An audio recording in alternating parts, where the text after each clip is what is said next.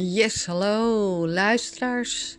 Ik merk dat mijn kanaal uh, steeds meer uitgebreid wordt. Ik ben uh, nog niet zo lang geleden begonnen. En uh, ik denk dat het fijn is om wat onderwerpen weer aan te gaan spreken. Ehm, hier kan je heel erg veel over vertellen en over discussiëren. Ehm, maar dit is de input die ik als coach en therapeut over het algemeen heb. En uh, waar ik ook altijd naar op zoek uh, ga. Um, ja, Nederland is gevallen over een Marco Borsato.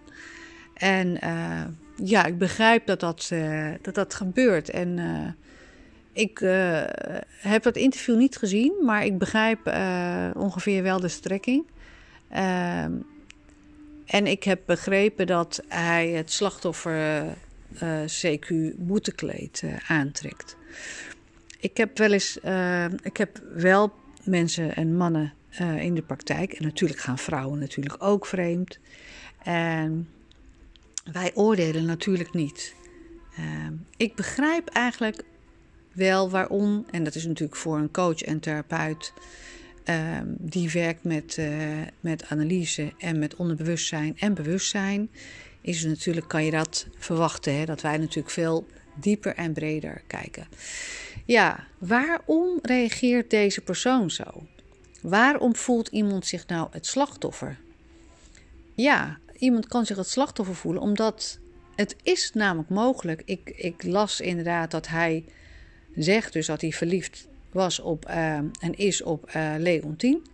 Maar hij ging dus ook vreemd. Uh, ik heb een aantal casussen behandeld en ehm, zo is iedereen uniek natuurlijk.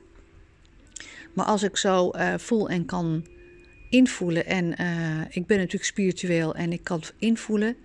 Uh, nou kan ik niet de hele casus beschrijven, heb ik ook nu niet gedaan. Maar ik wil een, een, een tipje van een sluier oplichten waarom mensen vreemd gaan. Nou hebben mannen een naam, maar vrouwen doen het natuurlijk ook. En het zijn allemaal verschillende redenen. Zoals jullie weten werk ik vanuit uh, een soort protocol en uh, vanuit een raamwerk. En dat heeft te maken met de basisbehoeften. En als je wil weten wat dat is, ga dan maar eens even terugscrollen en kijk even bij de Valentijn en relaties. En het is niet de laatste Valentijn-aflevering, maar die daarvoor. Dus uh, scroll even naar beneden en uh, dan vind je wat ik uh, te vertellen heb over basisbehoeften. Um, in geval van basisbehoeften is het zo dat hetgeen wat jij tekort hebt gekregen, bijvoorbeeld, en dat zou kunnen zijn bij een Marco, um, dat hij te weinig um, emotionele voedingsbodem, bewondering en erkenning heeft gekregen van zijn vader. Hè? Um, nou ken ik hem niet, ik heb ook helemaal niet ingelezen, want uh, ik, ik vind dat ook, uh, ik wil ook niet gekleurd hierin gaan. Maar dan um, zou het kunnen zijn, basisbehoeften heb je dus altijd nodig. Je hebt dat altijd tot een bepaalde leeftijd heb je die aandacht, liefde, bevestiging, acceptatie, bewondering, vertrouwen nodig van de ouder. Uh, ik behandel heel veel mannen en vrouwen die bijvoorbeeld een relatie defect hebben in de vorm dat ze relatie verslaafd zijn, in de vorm dat ze dus niet buiten een relatie kunnen. Um, dat noemen ze een relatieverslaving. Betekent niet dat ze dat willen. Maar ze hebben dus, als ze in een relatie zijn, dat, is, hè, dat heeft te maken met, je kan het vergelijken met alcoholisme, een verslaving. Dat heeft te maken met een gat opvullen, uh, iets weer niet willen voelen of constant een nieuwe prikkel hebben, willen hebben, zoals met cocaïne. En alcohol natuurlijk. Het is een lichamelijke verslaving en het is een, psychische verslaving.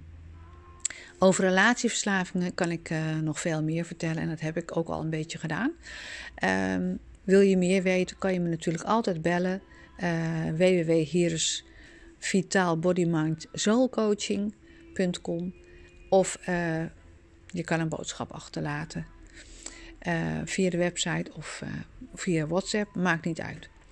Um, dus daar kan je inzicht krijgen en sowieso, ik geef een aantal groeigesprekken per maand weg.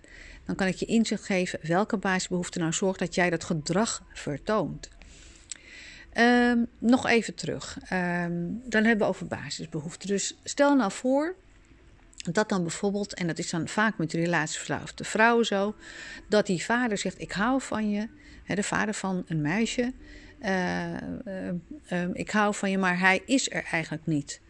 Dan heeft zo'n lief meisje heeft dan niet het gevoel gekregen dat ze waarde heeft. Dat een man, hè, dus het rolmodel, dat hij dus die waarde, dat ze dus geen waarde heeft. Want er wordt wel gezegd van ik hou van je, maar fysiek en emotioneel is zo'n man dus niet beschikbaar. Dus zij gaat dan vallen op, op de mannen die haar eigenlijk emotioneel die niet beschikbaar zijn.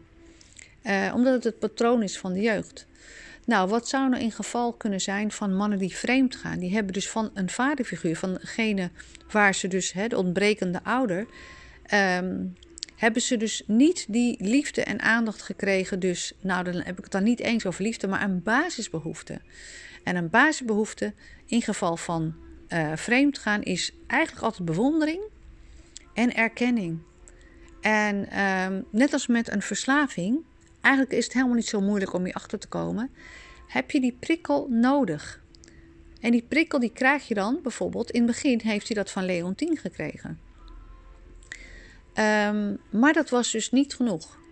En het blijkt dus dat je dus een injectie of prikkel nodig hebt van vreemden, van nieuwe personen.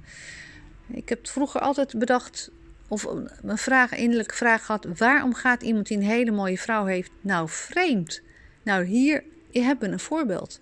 Het heeft te maken, soms valt een vrouw op een andere vrouw die juist die, die zinnen, die basisbehoeften geeft, die, die nieuwe prikkel, die nieuwe shot dan is die secretaresse bijvoorbeeld de nieuwe shot of die nieuwe liefde is de nieuwe shot, injectie, bewondering en erkenning. Die mannen lijden daar ook onder, want ze willen natuurlijk ook niet vreemd gaan, maar ze hebben een soort verslavingsbehoefte op erkenning en bewondering. Ik moet ook zeggen mannen en vrouwen. Hè? Uh, er zijn ook genoeg vrouwen die gewond zijn. Ik vind het gewonde mensen. Um, we hebben allemaal een verwonding, ik ook natuurlijk. Um, die kunnen we helen. Tot een bepaalde hoogte. Je zal je hele leven daar een stukje emotionele handicap uh, stiekem een beetje mee rondlopen. Dus je moet altijd aware zijn dat je een verslaving hebt.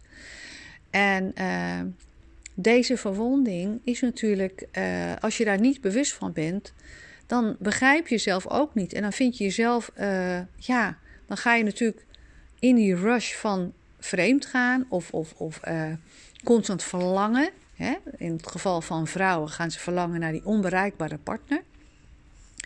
Wat Marco betreft, ja, die heeft dus eigenlijk steeds nieuw liefdesvoer nodig en liefdesbewondering en erkenning nodig. En erkenning kan dat zijn als liefdespartner, dat kan zijn als artiest. Uh, maar vaak begrijpen die mensen zichzelf ook niet. En door de jaren heen heb ik mensen duidelijk kunnen maken en Natuurlijk hebben we uh, therapie um, um, gegeven, heb ik therapie gegeven en behandelingsschema's. We hebben daarmee gewerkt, we hebben met hypno gewerkt, we hebben met inzicht gewerkt, met kernanalyse werken we. Um, met inzicht en langzamerhand heelt dan iemand. En dat is geweldig, want ja, we kunnen wel iemand veroordelen. Um, en, en, maar die persoon die wil natuurlijk niet, Marco wil niet ene Leotien uh, pijn doen. Of uh, uh, mensen pijn doen met wie hij een relatie opbouwt. Het is een soort van verslaving. omdat dus die basisbehoefte, erkenning, bewondering op artiest zijn, op mens zijn. In geval van hier is de grond waarschijnlijk. Hè, ik moet daar nog onderzoek op verrichten, want dat moet ik hem zeg maar echt onderzoeken via de kinesiologie, via vraagstelling, via afstemming, noem maar op.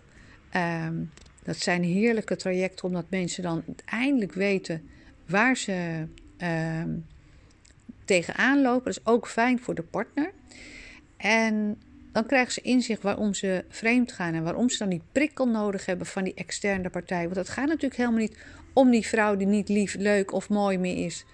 Nee, er is een gewenning, net als cocaïne wordt die spuit, dan moet eigenlijk steeds meer cocaïne komen. Eh, omdat die basisbehoefte nog niet vervuld is van binnen. En wij als therapeuten en coaches en NLP-trainers, zijn ervoor om mensen inzicht te geven en tools en dingen te veranderen in het onderbewustzijn en bewustzijn. Het is erkennen, het is herkennen, erkennen en loslaten. Uh, dan hebben we natuurlijk ook nog de spirituele stukken waarmee we kunnen werken om dat te helen.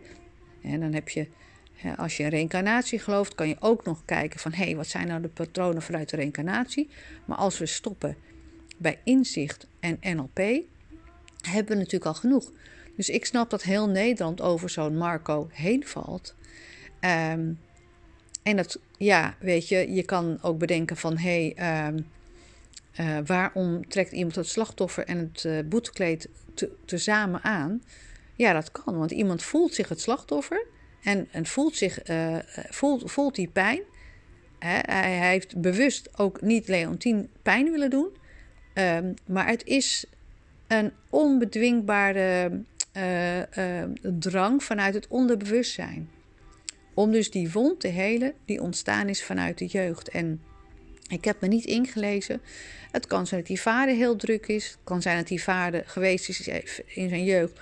Of dat hij hem niet genoeg bewonderd heeft.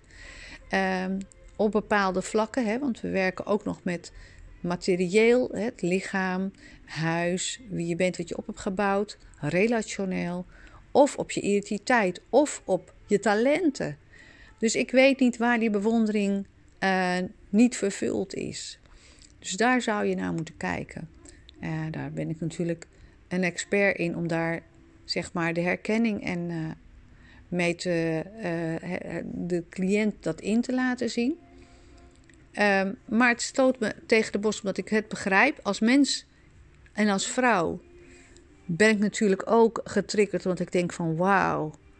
Um, er wordt niet over een Leontien gesproken, maar hij zal het wel zo voelen. En waarom doet hij dat dan? Ja, dat is een beetje kort door de bocht, mensen. Hè? En, en daar, daar, dat vergt nogal een soort van uh, uh, inzicht. En, en uh, je vecht eigenlijk tegen het onderbewustzijn, want dat is de drang.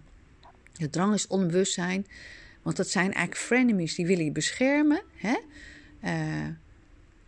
door dingen te laten of dingen te doen het sortiment van labmiddel om die wond zeg maar te vervullen. Want als je bewonderd wordt en als iemand je dat geeft, voel je je weer even goed, net als die cocaïne. En uh, dan is dat uitgewerkt en dan moet er dus weer een nieuw, nou ja, persoon gevonden worden. Want het, het is dan niet vervuld van binnen. Dus eigenlijk ben je op zoek naar externe erkenning en bewondering. Nou, dat is echt wel confronterend. Dus uh, ja, daar werken we als coaches mee. En uh, ja, ik doe natuurlijk al heel lang dit werk. En uh, dat is eigenlijk de reden dat een Marco uh, en ja, eigenlijk zo'n hele mooie vrouw, een lieve vrouw en dat prachtige gezin in de steek doet. Buiten natuurlijk wat er overkomen is. En inderdaad, het is in, de, in verband met, met het faillissement. Hè, waarom, waarom ga je dat starten? Ja, met een faillissement voel je je natuurlijk niet bewonderd. Voel je ook niet erkend als ondernemer. He, je ik, ondernemer, zanger. Uh, ja, dan, dan, dan moet dat ergens, ergens moet die bewondering weer gegeven worden. Via een externe partij, want je kan het dan op dat moment jezelf niet geven. Nou, wij werken met NLP en met NIJ om dit op te lossen. En mensen krijgen een soort emo-pincode, omdat... Uh, ja, zeg maar die onderbewuste delen, om die weer neutraal te maken, zodat je weer normaal kan reageren en het niet aan de buitenkant of via de buitenkant naar binnen kan halen. En dat is de heling. En dat zijn natuurlijk wel trajecten van een jaar, half jaar of langer waarmee ik werk. En het is geweldig, want mensen en gezinnen die echt op scheiden, uh, op een scheiding zeg maar, uh, stonden op dat pad, zijn bij elkaar gebleven en die mensen zijn echt degelijk veranderd. En dat is natuurlijk heerlijk. Dus ik uh, wilde een uitleg over het vreemdgaan. Marco Borsato en Leontine heb ik als voorbeeld genomen.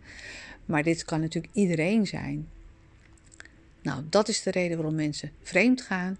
En als je het vervult en die onderbewuste delen weer samenbrengt, dan kan je daar bewust van zijn en jezelf constant die zelfbewondering en zelfcoaching toe gaan passen. Dus hierbij spring ik een beetje in de bres voor Marco. Uh, Uh, en vele mensen die eigenlijk onbewust mensen heel veel pijn doen. Um, en dat is het eigenlijk. Dus um, ik wens jullie heel veel succes. Weet me te vinden en uh, je hoeft het niet alleen te doen.